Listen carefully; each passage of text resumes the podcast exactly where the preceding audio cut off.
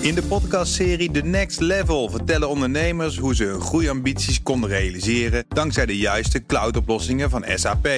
Wat waren de uitdagingen, de oplossingen en hoe ging de uiteindelijke implementatie? Benieuwd naar hun verhalen en hoe zij met behulp van SAP ook hun toekomstige ambities kunnen behalen? Luister de podcast The Next Level via de BNR-app of je favoriete podcast-app. Scandinavische kredietverstrekkers die het hebben gemunt op Nederlandse ZZP'ers. Dat en meer bespreken we in het ondernemerspanel. En daarvoor zijn hier te gast Leen Zevenberger, voorzitter van B Corp Europe. Remy Ludo Gieling, hoofdredacteur van Sprout. En al de hele middag mijn zakenpartner. Constans Scholte, directeur van Slingshot Ventures. Welkom. Goedemiddag. We beginnen met het uh, eigen nieuws. Remy, jij mag dat uh, aftrappen. Ja, op het randje van 2018 wil ik nog even een bedrijf nomineren voor de Marketing Award van het jaar. Uh, onverwachtse, onverwachtse kandidaat, moet ik zeggen. Burger King. Die heeft namelijk frontaal, nee, die heeft frontaal de, de aanval geopend op McDonald's. Wat hebben ze gedaan? als je nu in een McDonald's-vestiging staat en je opent de Burger King-app, volgens mij is het alleen in Amerika, maar hè, voor het idee, je, je loopt een McDonald's-vestiging binnen, je opent de Burger King-app, dan kan je een Whopper krijgen voor 1 cent. Dus dan moet je, krijg je een deal uh, om je uit de McDonald's-vestiging te lokken naar de Burger King toe. Ja, briljante strategie van, uh, van, uh, van de hamburgerketen. Ah, moet je wel hopen dat hij een klein beetje in de buurt is, want je bent niet voor niks. Ja, maar in Amerika zitten die dingen om elke, elke drie meter kan je er eentje vinden, volgens mij. In Amerika wel, denk ik. Ja. Hoe geniaal is dit? Nou ja, ik weet niet, bedoel je van Nederland uh, dat wij Nederland een prijs moeten geven? Het is misschien wel een geniaal idee, maar in Nederland lijkt me dat. Ja, gewoon überhaupt. Het, het, is, het, is, het is, gewoon een hele slimme manier om, om, je, om, je, om je concurrenten een keer een hak te zetten. Hoe zijn die verhoudingen eigenlijk? Ik weet het niet, maar Burger King is natuurlijk al lang niet meer zomaar een, uh, ja, een, een te verwaarloze concurrent van McDonald's. Ik heb eigenlijk geen cijfers paraat over hoe, hoe, die, hoe, die, hoe die merken aan nee, het maar ze zijn. hartstikke groot ook. Ze zijn, dus ze het zijn uh, niet zo groot als McDonald's, denk ik, maar wel. Ja, maar ik vind het toch het is wel een leuke manier. Uh, we hebben, hoe, hoe combineer je nou technologie met een beetje je concurrent dwars zitten? nou, gewoon al, al, al je, al, alle vestigingen in kaart brengen. Als iemand daar in een straal van 600 meter in de buurt van is, uh, zeggen van, nou ja, weet je, je bent nu daar. Kom naar mij, kom naar mij toe. Nou, of op zijn minst ga je onderhandelen met de McDonald's uh, ja. kassière. En, en, en, en of, uh, ja, precies. Of, of, ga, of gaat het verder, weet je wel? Dat, dat, dat pakkenhandelaren, als je in de buurt van een suit supply bent, uh, ook, ook aanbiedingen gaan doen. Voor een cent? Voor een cent. Nou, dan voor ben ik daar wel te winnen, Wel mooi dat je aan suit supply denkt. Dat wel. Ja, toch stoute marketing. Mm -hmm. Ja, precies. Dat klopt. Die hebben er ook wel een verleden in. Ja, daar heb ik al hele verhalen over. Maar. Oh ja?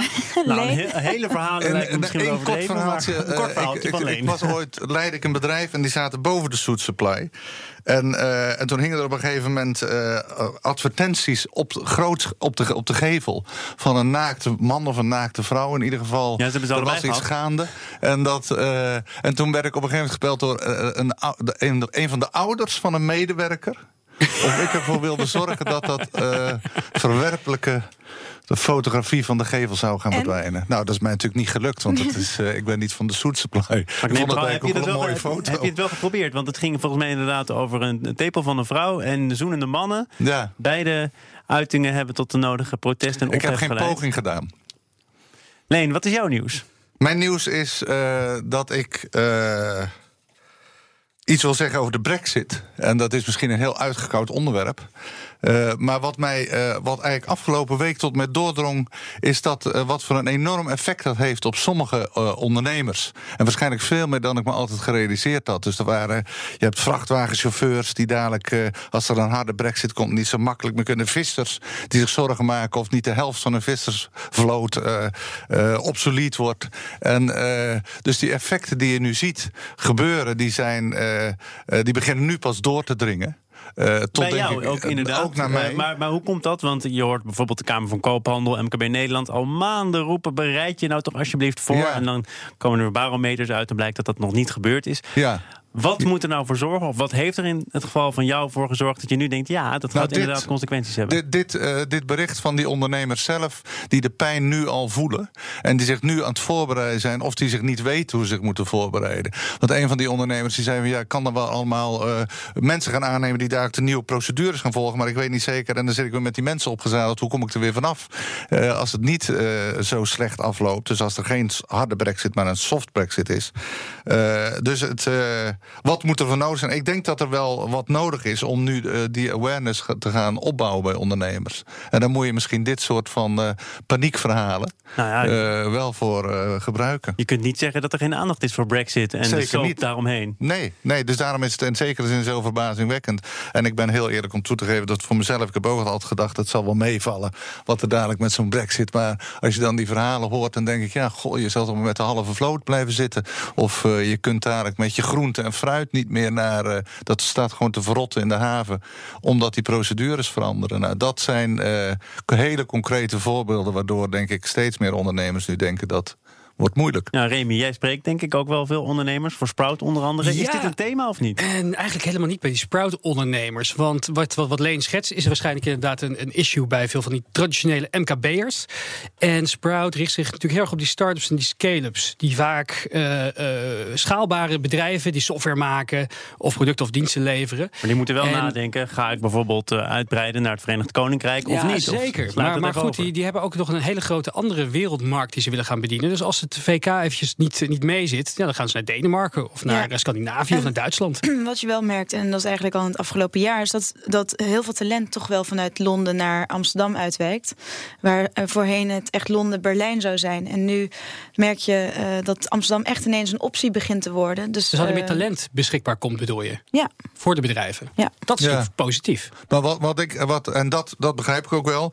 Maar dat is toch een soort van bovenlaag. Misschien een beetje een elite. Want als je dit soort Hè, de vrachtwagenchauffeurs, Ja. de transporteurs, de, eh, de eh, vissers. De, Bloemenveiling? eh, de, hè, bloemenveiling, ongetwijfeld ook. En dat, zijn, eh, dat zie je natuurlijk niet eh, in een verhuizing van eh, waar dan ook naar waar dan ook. En dat, en dat hoor je niet, maar dat is wel massaal allemaal. Nee, precies. Maar als je En- kijkt naar die Sprout-ondernemers, hè, die, die start-ups en die scale-ups, die bezig zijn ook met internationalisering. Maar die kunnen vaak om, door de manier van hun bedrijfsvoering veel makkelijker uitwijken naar andere landen. Denk ik ook. We gaan eh, naar een ander onderwerp, namelijk naar PostNL. Ging eh, naar de rechter om ervoor te zorgen dat er niet gestaakt zou kunnen worden. En de rechter heeft daarmee ingestemd. Het argument van PostNL was dat die staking in december, uitgerekend in december, tot miljoenen schade zou leiden. Groot ongemak voor consumenten. Ja, dat is heel misschien veel huilende kinderen. Misschien, maar dat is natuurlijk precies de reden dat je gaat staken. Dat er wel ergens iets van gemerkt moet worden. Is dat dan een, een valide argument om te zeggen: nee, de, de impact is te groot, dat moet je nu niet doen? Het verbaasde mij wel, die uitspraak. En dat om de juiste reden eh, die jij nu aangeeft. Van eh, je wilt staken en het moet wel een effect hebben als je verstaakt en het is een vakantie. Of je zit net in de vakantie en het heeft geen enkel effect. Ja, dan zegt elk bedrijf staak maar lekker. Maar, eh, dus het verbaasde me wel dat de rechter dat verboden heeft. Ja, ik, mij verbaasde het eigenlijk helemaal niet. Oh, Als mooi. je- Gelukkig maar. eindelijk, eindelijk. Nee, ja, als je, eh, ik, ik, ik vond het één een vrij valide argument inderdaad. Hè. De, de, de, de consument wordt, wordt zwaar de dupe hiervan. En eh, als je kijkt naar de andere onderhandelpartners, voor me waren, waren ze met drie eh, vakbonden aan het, eh, aan het onderhandelen. En de drie anderen die zeiden van ja, voor ons hoeft het nog helemaal niet hoor. We zijn nog lekker bezig met een beetje ideeën heen en weer te pingpongen. Waarom zouden we het nu moeten gaan staken? En Ja, FNV zit er vaak wat steviger in. Nou, dat, blijkt zeker. Als je, als geval. je alleen al naar de afgelopen maand keek. Ik heb even opgezocht. De schoonmakers gingen staken. Luchtvaartpersoneel, metaalsector. Ze waren bezig met Lijkt Frankrijk. pensioenakkoordstakingen. eh, recreatiebranche. Het, het hield maar niet op. Ze, ze Ja. houden zichzelf lekker bezig. Ja, maar Remy, mag ik in, even? eh, ik, ik in- was in- in- namelijk in de eh, maand eerder dit december. jaar een, een stuk van arbeidsmarktdeskundigen. En dit komt natuurlijk terug op een wat groter fenomeen. Namelijk, het gaat economisch heel goed. Of het ging economisch heel goed. Misschien moeten we het alweer wat gaan bijstellen. En toch stijgen die lonen eigenlijk niet heel erg. Eh, dus eh, toen zeiden die arbeidsmarktdeskundigen eerder dit jaar al... als je nu niet gaat staken of als je nu niet gaat onderhandelen voor een beter loon... dan doe je het nooit meer. Ja, ik zeg ook, toen ik net zei dat het me verbaasde, is niet zo dat ik nou eh, het staken wil aanmoedigen. En ik denk ook dat het een, een, een laatste middel is als je in pure paniek niet meer weet wat je anders moet doen. Dus daar ben ik het wel met Remy eens. En, dus het zou me ook niet verbazen als die rechter heeft gedacht, alle anderen doen het niet. En jullie dan wel. Ja. Eh, dus dat dat ook mee heeft gespeeld in het eh, verbod om het te doen. Ga eerst nog eens even met elkaar. eh, dus ik weet niet of die rechter zich heeft laten leiden nou door die huilende kinderen die jij net noemde. Of andere consumenten die hun kerstgeschenken niet zouden krijgen. Want ik kan me voorstellen dat daar een rechter nou niet zoveel gevoel bij heeft. Het, het mooiste ironische nieuws van deze maand vond ik misschien nog wel dat er nu ook FNV'ers intern willen gaan staken. Bij FNV. bij FNV. Er is schijnbaar een of andere reorganisatie Nou, gaande je wel daar. bij de organisatie. Want, ze, want eh, die, die, die, die leden die, die gaan, eh, gaan hollend achteruit, die aantallen. Eh, en, en die FNV'ers, we moeten nu 250 banen uit of zo. En die zeggen, ja, er wordt niks over gecommuniceerd. Er is geen enkel plan. Ze willen een sociaal Eh, plan. we willen een sociaal plan voor de FNV-medewerker. Eh, en als dat niet komt, dan gaan we staken. Dat vind ik op zich wel weer een, eh, eh, vind ik wel, eh, vind ik wel mooi. Eh, practice what you preach. Staken hier overigens met stakingsdeskundigen en ervaringen. Die dat, eh, hebben jullie wel eens gestaakt ergens voor? Nou, ik heb nooit gestaakt, maar ik heb wel eens te maken gehad met situaties eh, waarbij het bijna kwam tot een staking. En, eh, Waarin jij de werkgever was. Waar ik de werkgever was. En dat je met, over een CAO aan het onderhandelen was. Met, die voor, bij Origin heb ik dat een keer meegemaakt. Daar zaten we toen met 8 tot 10.000 medewerkers. Die, die eigenlijk heel ontevreden waren over de onderhandelingen. En daar is mij opgevallen dat als je, dat je in de onderhandelingen veel verder kunt gaan. eh, hoe transparanter je bent naar je medewerkers toe. Hoe meer je aan ze vraagt van. Oké, als jullie dan die eh, loonverhoging willen hebben. ge- Geef maar aan. Hier heb je de boekhouding. Geef maar aan hoe, eh, hoe je dat dan denkt te kunnen financieren. Nou, dat, en dan krijg je van mij ook nog assistentie van een accountant erbij. Die jullie gaat helpen. Nou, toen werd het al gauw ingetrokken, de, de eis. Omdat ze zeiden, ja, het kan het bedrijf eigenlijk niet trekken. Dus hoefde ik dat zelf niet meer te zeggen. Dus je kan heel ver komen in onderhandelingen. We gaan praten over Nederlandse ZZP'ers. Want die kunnen betrekkelijk moeiteloze voekerleningen afsluiten bij Scandinavische kredietverstrekkers met rentes van 30 tot, ik heb het echt voorbij zien komen, 200 procent. De bedrijven hebben inmiddels voor miljoenen aan leningen uitstaan. Hoe kan het dat een ondernemer denkt dat hij op dat moment een goede deal sluit, Leen? Nou ja, omdat hij een kans heeft die meer oplevert. En dat, eh, dus als ik denk dat ik iets kan doen voor 30% eh, rente die mij eh, 200% oplevert, dan, eh, en ik ben daar tamelijk zeker van, en dat eh, ook al is het misschien onzeker, dan doe ik dat. Ja, wat Mhm. hier het probleem leek te zijn, is dat heel veel ZZP'ers het ook voor privégebruik eh, aanwenden. En ik denk dat daarin eh, ja, de zaken en privé een beetje door elkaar heen ja. lopen. Ja, misschien is dat, dat is wel goed dat je dat zegt. Want ik denk, eh, ik ben nooit zo van hoe gaan we de ondernemers nou eens beschermen. En, eh, want Nu er helemaal geen zichzelf, bescherming. Hè? Want consumenten die hebben wel een bescherming. Er is ook een maximaal rentepercentage van 14 procent. De minister van Financiën Hoekstra zegt... nee, dit zijn ondernemers, daar gelden andere wetten en regels voor. ja, nou ja, maar het is wel een ZZP'er. Ja, maar de definitie van ondernemers is eh, een beetje vaag. En als je dan weet dat van de ZZP'ers 80% eh min of meer ongevrijwillig ZZP'er is, kun je afvragen of dat dan de echte ondernemers zijn die bewust een bedrijf zijn begonnen of zoiets dergelijks. En, dat, en die- misschien moet je die wel beschermen, want dan, eh, dan wat jij zegt, dat ligt dan, dan ligt privé en zakelijk wel angstvallig. Het doet me ook een beetje denken aan de, aan de Dirk Scheringa-tijd. Dat je, dat je al die reclamespotjes op tv had met Frisia-financiering... en, en no- nog wat van, van die handelsnamen die eronder vielen... met hele blije mensen die voor hun huis stonden met een nieuwe auto. en ik heb en dat ook, krijg- dit, dit, dat gevoel krijg ik nu ook weer een beetje. Dat die, dat die, dat die, dat die kortstondige leningen met, met krankzinnig hoge rentes... Die, die, zich, die, die maar opstapelen en opstapelen... waardoor vaak het, het, het geleende bedrag uiteindelijk wordt verdubbeld...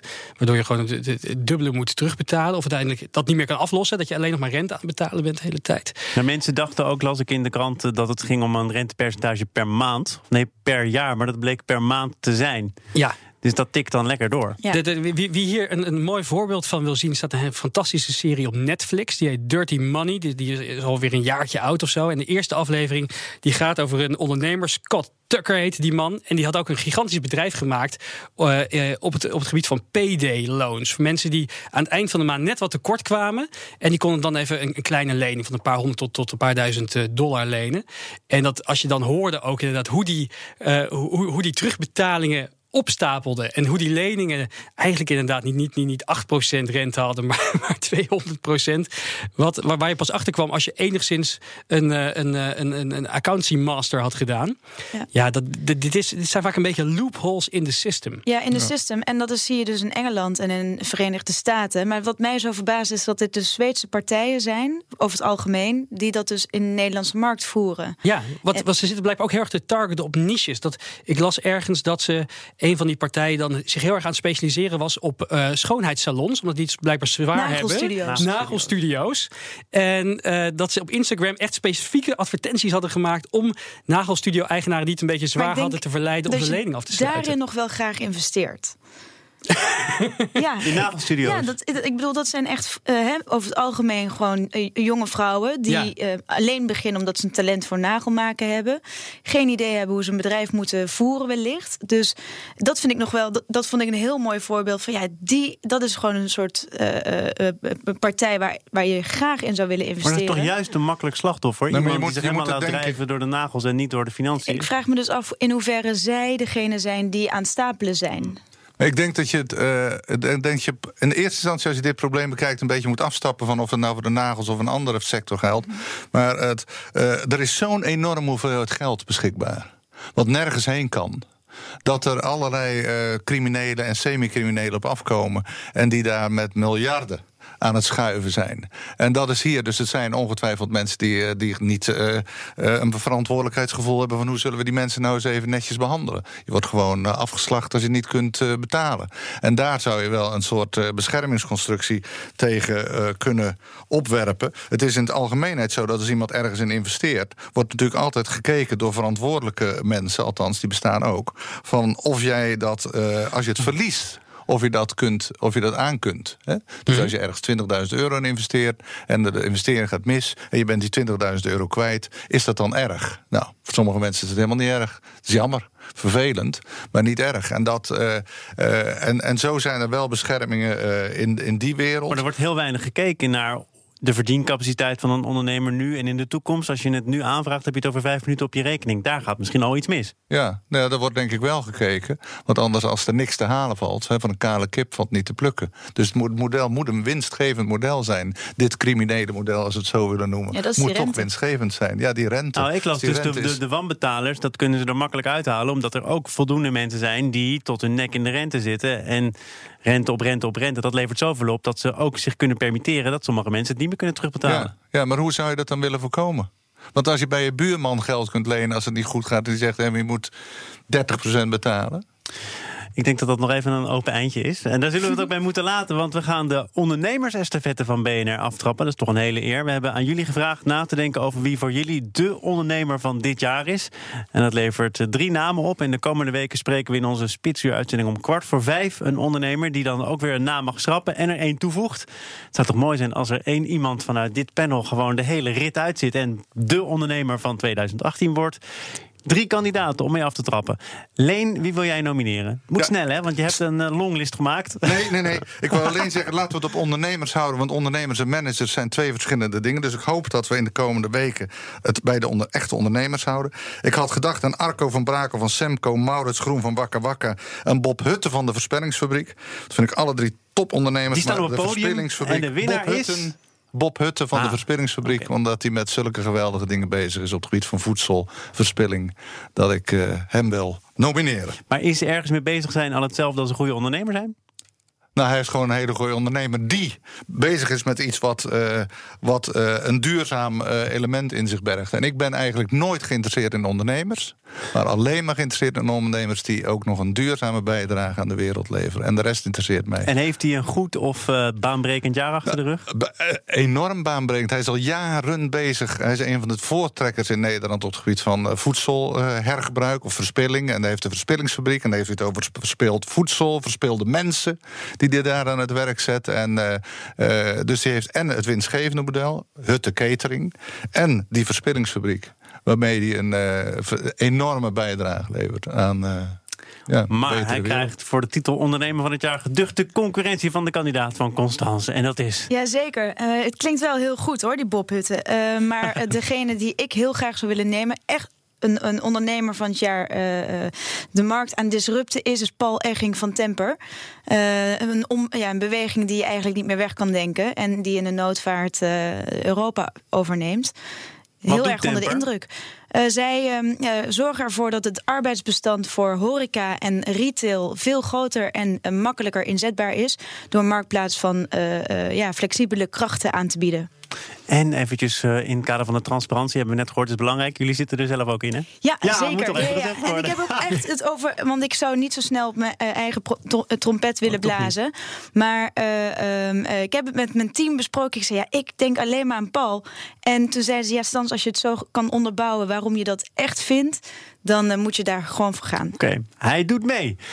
Maar nummer drie is van Remy. Ja, nou ja, heeft ook alweer een linkje met Constans. Ja, wie Oh. niet eh, eh, tegenwoordig. Maar eh Constans heeft namelijk in onze jury gezeten van de Sprout Challenger van het Jaar Award. Wie de meest uitdagende ondernemer van 2018.